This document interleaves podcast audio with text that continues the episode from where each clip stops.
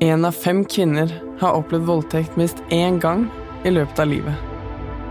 De fleste blir voldtatt av en de kjenner. Bare 20% av kvinnene anmelder, og nærmest ingen får gjerningspersonen dømt.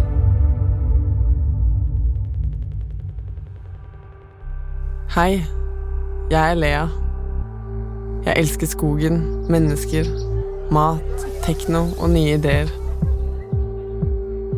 Da jeg var liten, var jeg nysgjerrig og sta. Som ungdom søkende og med på alt. Trygg på verden og menneskene i den. Det ble tatt fra meg i 2016. En dag i august. Den dagen jeg ble voldtatt av en jeg elsket. Dette er min historie, om veien gjennom helvete og tilbake til livet. Takk for at du lytter.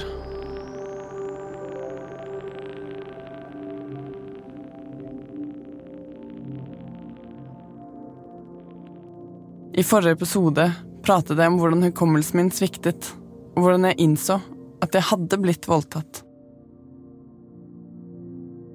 Og det utløste en ny krise. Men jeg ante ikke hvordan jeg skulle komme meg videre.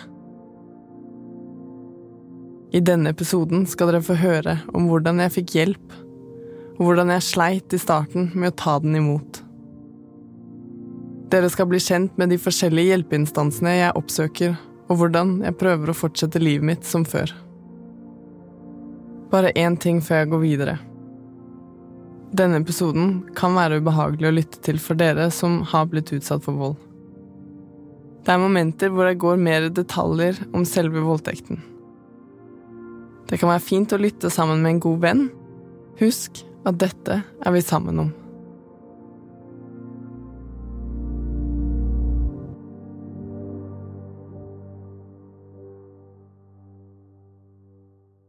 Etter fire dager på sykehuset og én uke hos en venn kan jeg endelig sitte lenge nok til å ta flyet hjem til mamma og pappa. Jeg er sengeliggende i seks uker etter ulykken med snowboardbindingen. Mye tid hjemme alene. Mye tid med hodet. Jeg er hjemme alene hos mamma og pappa.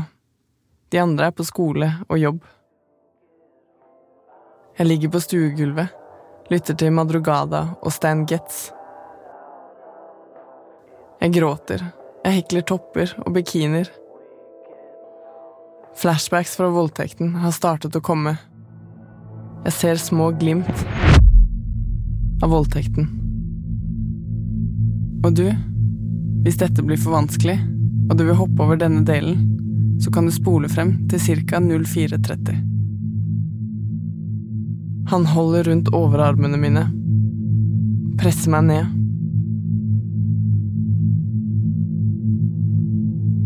Hodet mitt dyttes mot sengekanten. Følelsen av nakken når hodet mitt ligger på sengekanten. Utsikten av vinduet opp ned.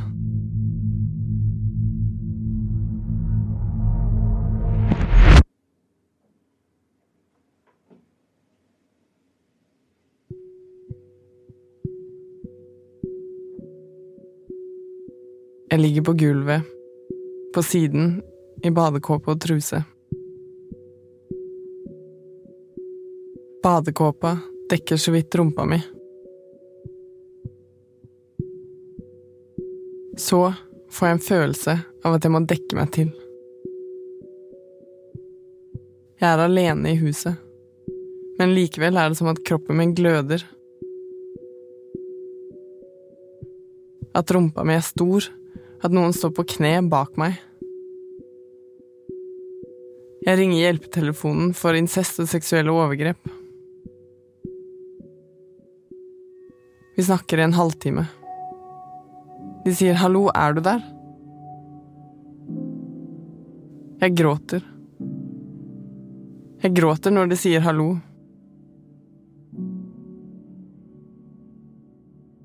Jeg vil så gjerne tilbake til livet igjen.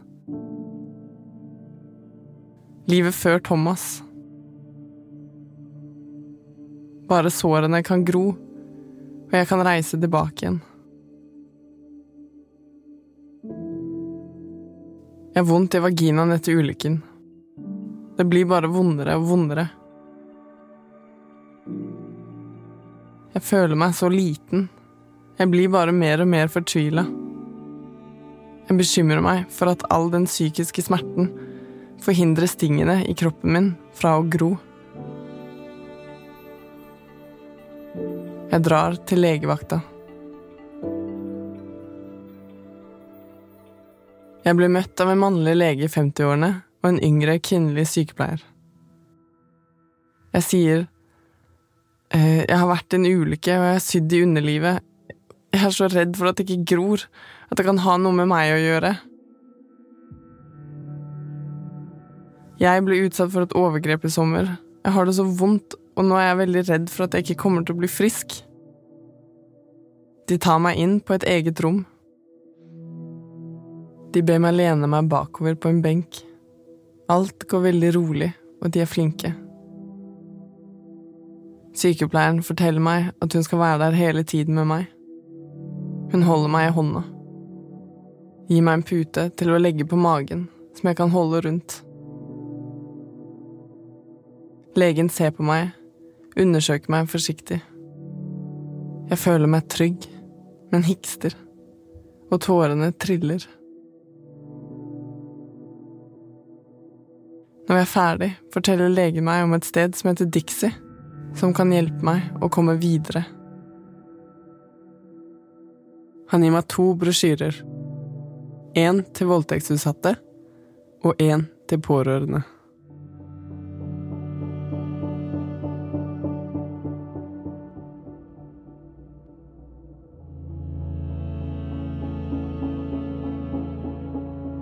Dette var den første gangen jeg fortalte noen om hva jeg hadde opplevd. Å fortelle det var overveldende. Det alvoret de møtte meg med, gjorde at jeg forsto at jeg hadde det vondt, og at sånne som meg kan og skal få hjelp. Når jeg er tilbake fra den turen til legevakten, så forstår jeg at jeg forsøkte å hjelpe meg selv. Jeg hadde sår på kroppen min som jeg kunne bruke som en måte å snakke om skadene i psyken min. Jeg var kanskje ikke så redd for at stingene ikke skulle gro. Jeg var redd for at jeg, hele meg, aldri skulle gro. Legevaktsbesøket var en åpenbaring. Noen trodde på meg. Trodde på det jeg hadde opplevd. Det ga meg mot til å fortelle det til en til.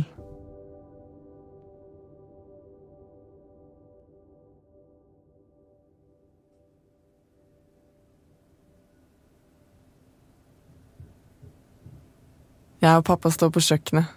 Vi har sett på en halv film og henter oss litt snacks fra skapet. Pappa, jeg, jeg har noe jeg må si til deg. Han står ved vasken og heller vann i en karaffel. Um, jeg har jo vært uh, ganske mye lei meg i det siste, og jeg vet ikke om du har sett det, men, uh, men det er mer enn bare snowboardulykken. Altså, en, uh, en dag i august for ca. ett år siden så voldtok Thomas meg.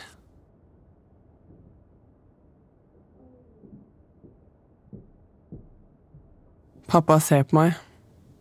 Han ser ut som en blanding av sjokkert og sint. Men du er jo så sterk.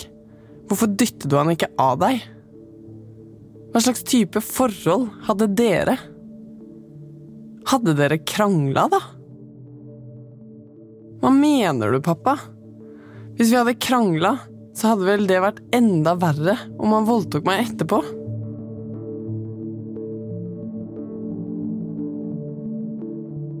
Pappa ser på meg. Han er lei seg, men tilbaketrukken. Trøster meg og klemmer. Sier at dette skal gå bra, jenta mi. Vi ser resten av filmen i stillhet.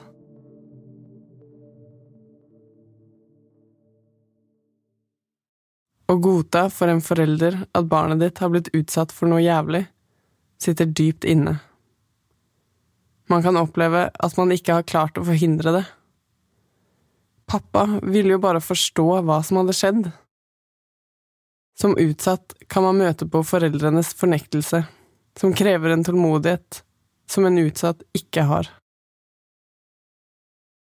To måneder etter ulykken med snowboardbindingen drar jeg tilbake til Trondheim. Å bli hjemme ble en påminnelse om at jeg hadde det vondt. Jeg ville ut, kjenne på styrken, komme meg videre. Før jeg dro, la jeg brosjyren for pårørende jeg fikk på legevakten, på nattbordet til pappa.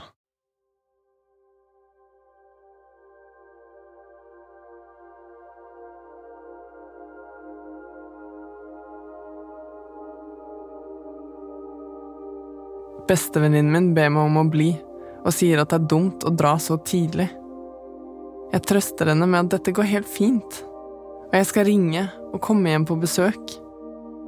Vi tar et bilde av oss hvor vi begge har tårevåte skinn.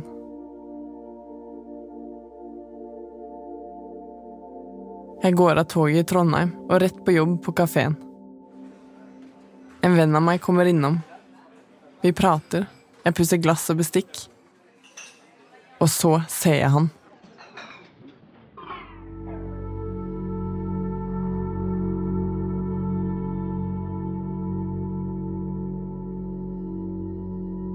Thomas står rett utenfor vinduet. Jeg dukker bak baren. Hjertet hamrer. Nei, nei, nei, nei, nei, nei, nei, ikke kom inn!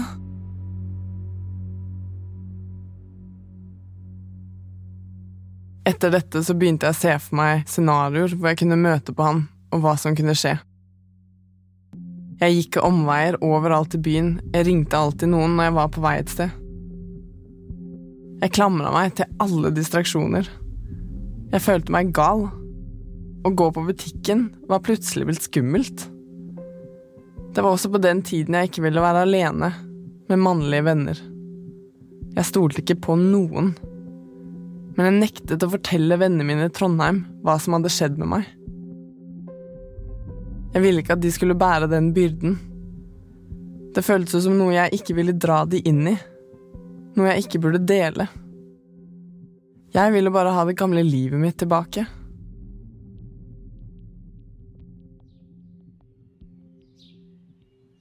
Det er en fin vårdag. Det er sol. Jeg er på vei til sentrum av byen for å henge med en venninne men det er i nærheten av der Thomas bor. Jeg går langs gamle bybro. Jeg hører på Silvana Imam og holder blikket på bakken foran meg. Alt for å slippe å plutselig se ansiktet hans. Jeg kan veien utenat, så jeg ser ned hele veien. Jeg ser masse sko. Hvite sko, brune sko, damesko, mannesko og bein. Musikken dundrer i ørene mine. Hjertet mitt banker nesten ut av brystet mitt. Og gråten ligger liksom og murrer i halsen og brystet. Akkurat da jeg kommer til døra til venninna mi, klarer jeg ikke å holde igjen lenger.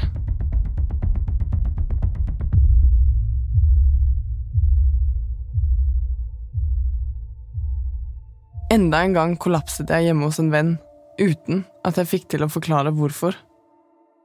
Jeg ble så lei av å bruke opp vennene mine, være trengende uten å klare å si noe om hva som plaget meg. Jeg ville ikke være en voldtektsutsatt. Men jeg var jo det.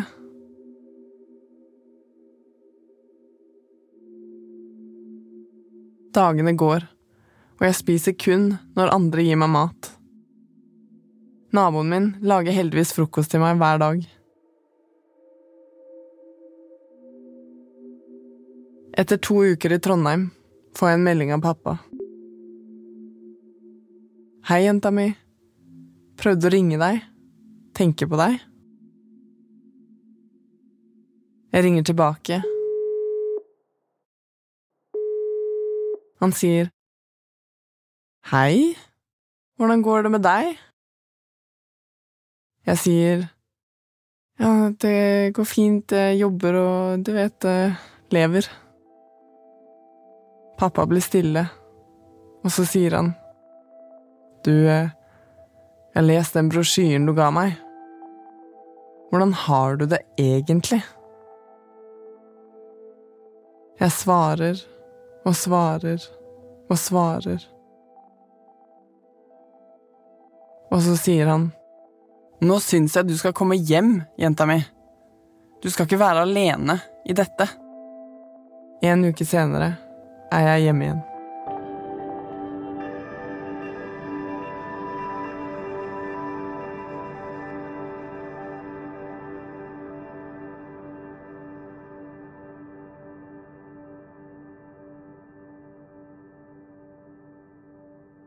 Å bli trodd er komplisert. Først må du tro på din egen opplevelse. Så må du sette de riktige ordene på den opplevelsen. Så skal man fortelle andre om det og håpe å bli trodd. Jeg ville jo ikke tro at jeg hadde blitt voldtatt. Jeg ville ikke at andre skulle vite det om meg. Jeg har tenkt mye på hva det betyr i livet til en som er voldtatt, å erkjenne sannheten og fortelle det til andre rundt seg. Jeg har snakket med Lene Østby, sosialarbeider og førstelektor på sosialt arbeid ved VID vitenskapelige høgskole. Hun har både arbeidet med seksuelle overgrep på et overgrepsmottak og forsket på seksuelle overgrep. Jeg tenker det er mange grunner til at det kan være vanskelig for de som er utsatt for seksuelle overgrep, å søke hjelp. Den viktigste grunnen tror jeg er at mange har en forestilling om hvordan et seksuelt overgrep foregår at det er den si, klassiske stereotype overgrepet i en park av en fremmed mann. Det er bare en liten del av de seksuelle overgrepene som foregår. Eh, men når det ikke har foregått på den måten, så er det kanskje vanskelig å finne ut hva er det egentlig jeg blir utsatt for. Hvilke begreper skal jeg bruke på det? Hvordan kan jeg forstå det? Så for å søke hjelp så må man jo ha en type forståelse selv av hva jeg var utsatt for. Og når man ikke har det, så vet man heller ikke hvor man skal gå. I en slik situasjon hvor man ikke helt skjønner hva man har opplevd, hvilken betydning har nettverket for en utsatt? Jeg har bare lyst til å begynne med å si at nettverket vårt er viktig for oss i hele livet. Det er det stedet vi får tilhørighet, vi får kjærlighet, vi blir bekrefta. Men det er også det stedet hvor vi kanskje blir skada mest. At barn blir skada av foreldrene sine, vi blir skada av kjærester. Så hvis vi først tar det hva nettverket kan gjøre som er bra for en som er utsatt, så er jo det å gi emosjonell støtte og anerkjennelse. Um, og det er jo bare Ikke bare, det kan være vanskelig nok å si at 'jeg tror deg'. Uh, tro på fortellingen din. Uh, tror det som har hendt deg. Og at man ikke på en måte prøver å kanskje forandre det, men også tør og orker å være til stede i den andres uh, negative og skadelige erfaringer. Faren min reagerte sterkt. Litt overraskende, på en måte. Intensjonen hans var nok å ta vare på meg. Men så kom det liksom ikke helt fram som han tenkte. Hender det at pårørende gjør mer skade enn de hjelper? Men f.eks. det å ta over kontrollen og ville være for hjelpsom, som du må gå og melde til politiet, f.eks., eller du må dra på overgrepsmottaket, kan jo oppleves som for hjelpsomt. Altså at man tar over kontrollen. Eller f.eks. at noen av de jeg intervjua, sa du må ikke fortelle det til noen. Eh, er jo også en måte å prøve å begrense den utsatte på. Så kan man bli påført skam. Eh, du burde ikke dra på den festen. Eller han kjæresten var ikke bra for deg. Det visste jeg hele tiden. Og veldig mange av de som er utsatt for seksuelle overgrep, skammer seg jo veldig mye. Opplever um, tar på seg skylden for ting de ikke har ansvar for. Så det trenger man ikke at de mm, i nettverket gjør. Og noen som jeg også erfarte når jeg jobba med seksuelle overgrep, var kanskje særlig når familien er familiemedlemmer, ble veldig opptatt av sine egne følelser eh, og reagerte veldig sterkt. Eh, og deres følelser kom i forgrunn. Så jeg tenker at hvis man står tett på en som er utsatt, eh, og har sterke følelsesmessige reaksjoner, så må man gå et annet sted og ivareta de enn å bruke den utsatte. Jeg syntes det var vanskelig å skulle identifisere meg som et offer, og gjorde ting som å flytte tilbake til Trondheim på tross. Det var jo ikke gunstig. Jeg tror det Noen ganger så har vi vært utsatt for hendelser vi ikke helt forstår det. Vi har ikke begreper. Så kan ny kunnskap hjelpe oss til at vi forstår det. F.eks. å få kunnskap om at overgrep kan skje mellom kjærester. Det kan skje når man har vært full, og at det regnes etter straffeloven som, som et overgrep. Så ny kunnskap kan jo gjøre at man plasserer den hendelsen og betegner den på en annen måte.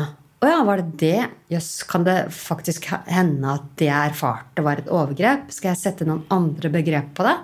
Men det kan jo også være litt sånn truende eller skummelt, fordi at man tenker ja, men jeg er jo ikke et offer. Jeg er jo ikke et overgrepsoffer.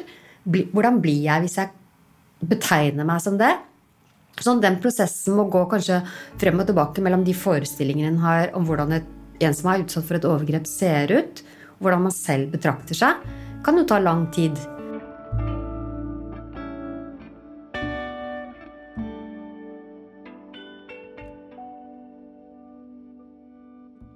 Pårørende rapporterer ofte at det er vanskelig å vite hvordan man skal forholde seg til en voldtektsutsatt. Jeg spør Lene om hun har noen konkrete tips til pårørende om hvordan å støtte og hjelpe. Det ene er jo å akseptere den fortellingen den utsatte har, og, akseptere det tempoet den har. Informere uten å dytte for mye. Eh, og så kan man jo f.eks. spørre hvis man tenker at den andre kunne hatt nytte av å søke hjelp, så kan man jo starte med å spørre har du tenkt å søke hjelp. Og hvis den andre sier ja, så kan man spørre ok, hvor har du søkt den? Har du gjort noen søk? Så kan denne vedkommende ha gjort mange søk. Den har den kunnskapen. Da trenger du ikke å gi den, men du kan kanskje spørre hva skal til for at du søker hjelp? Er det noe jeg kan gjøre? Har du lyst til at jeg skal følge deg? Er det sånne praktiske ting? Um, kanskje den andre sier um, jeg er redd for at de kommer til å be meg om å anmelde til politiet, noe jeg ikke ønsker å gjøre. Så kan du si vil du at jeg skal finne ut av det? Eller har du sjekka hvor du kan finne ut av ting?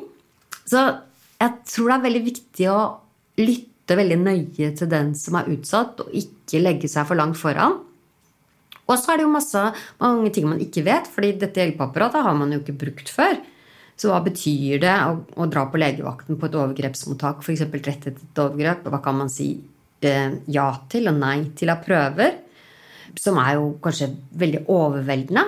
Så man kan jo kanskje snakke om det. Si 'vil du at jeg skal finne ut ting for deg'? Så hvis man har en venn eller en bekjent eller familiemedlem som forteller om det, så bare vær obs på hvor skamfullt det kan oppleves.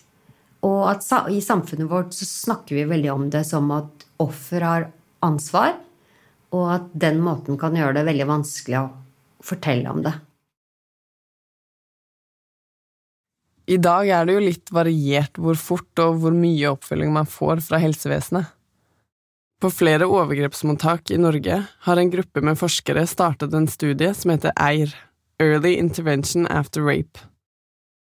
Studien skal undersøke effekten av å sette i gang behandling tidligere. Jeg spør forsker Tina Haugen hvorfor de har valgt å teste ut denne metoden for voldtektsutsatte.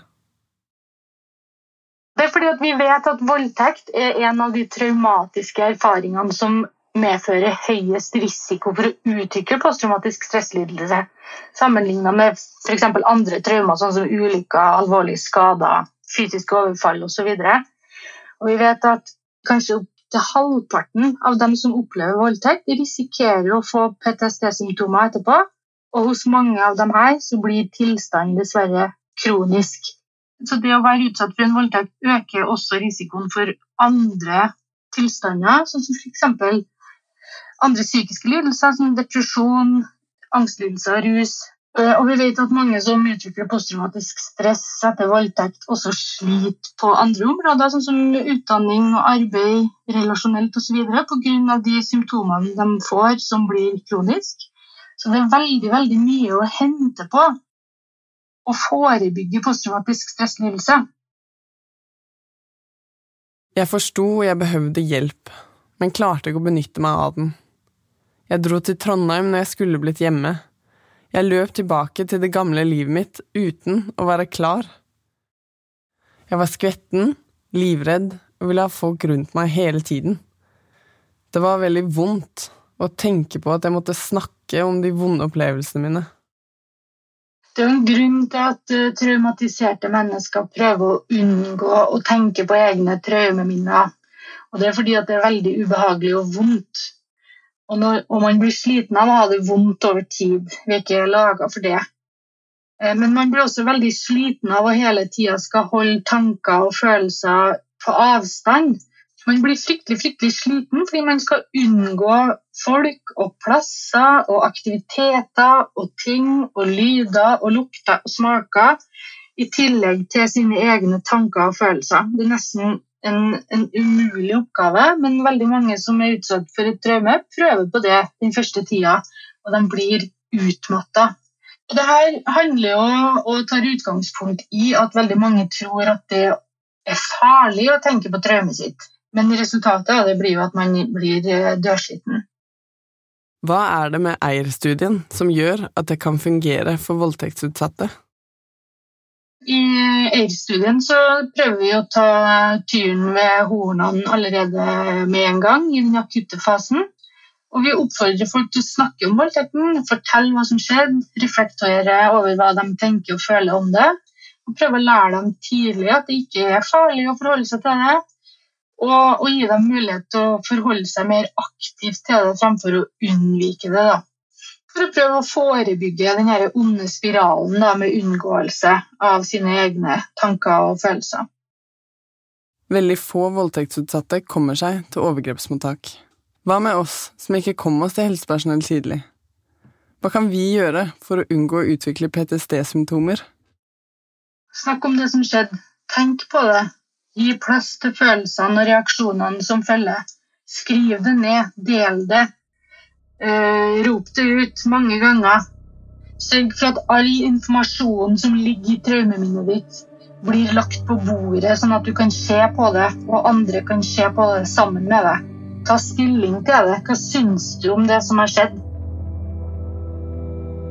I denne episoden har dere fått høre hvorfor det kan være vanskelig å søke hjelp i starten og hvilke hjelpeinstanser man kan møte på. I neste episode får dere høre hvordan det er å ta det skrittet og anmelde en du elsker.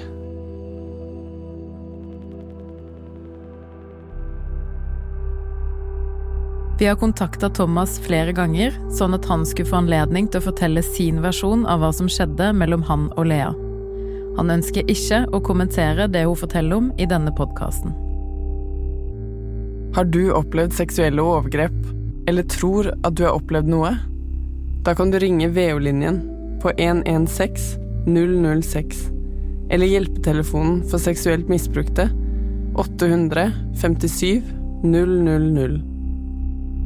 Hvem som helst kan ringe, når som helst. Du kan også gå inn på dinutvei.no. Takk til alle jeg har møtt gjennom disse årene som har støttet meg og hjulpet meg å reflektere og se. Et liv uten vold er mulig.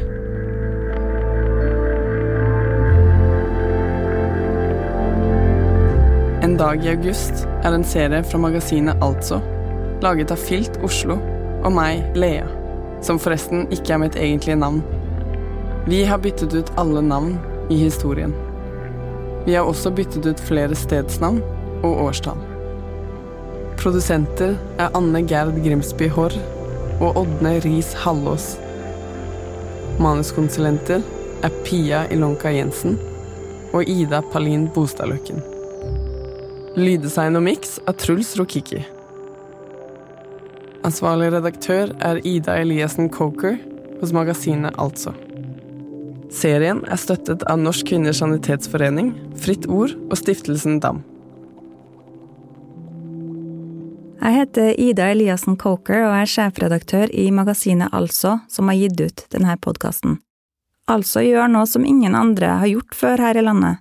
Vi lager stoff som handler om kvinner, uten å fortelle deg hvordan du skal se ut eller hva du bør kjøpe. Gå til altså.no og les saker om mangfold, likestilling og bærekraft. Du vil føle deg styrka og håpefull for fremtida.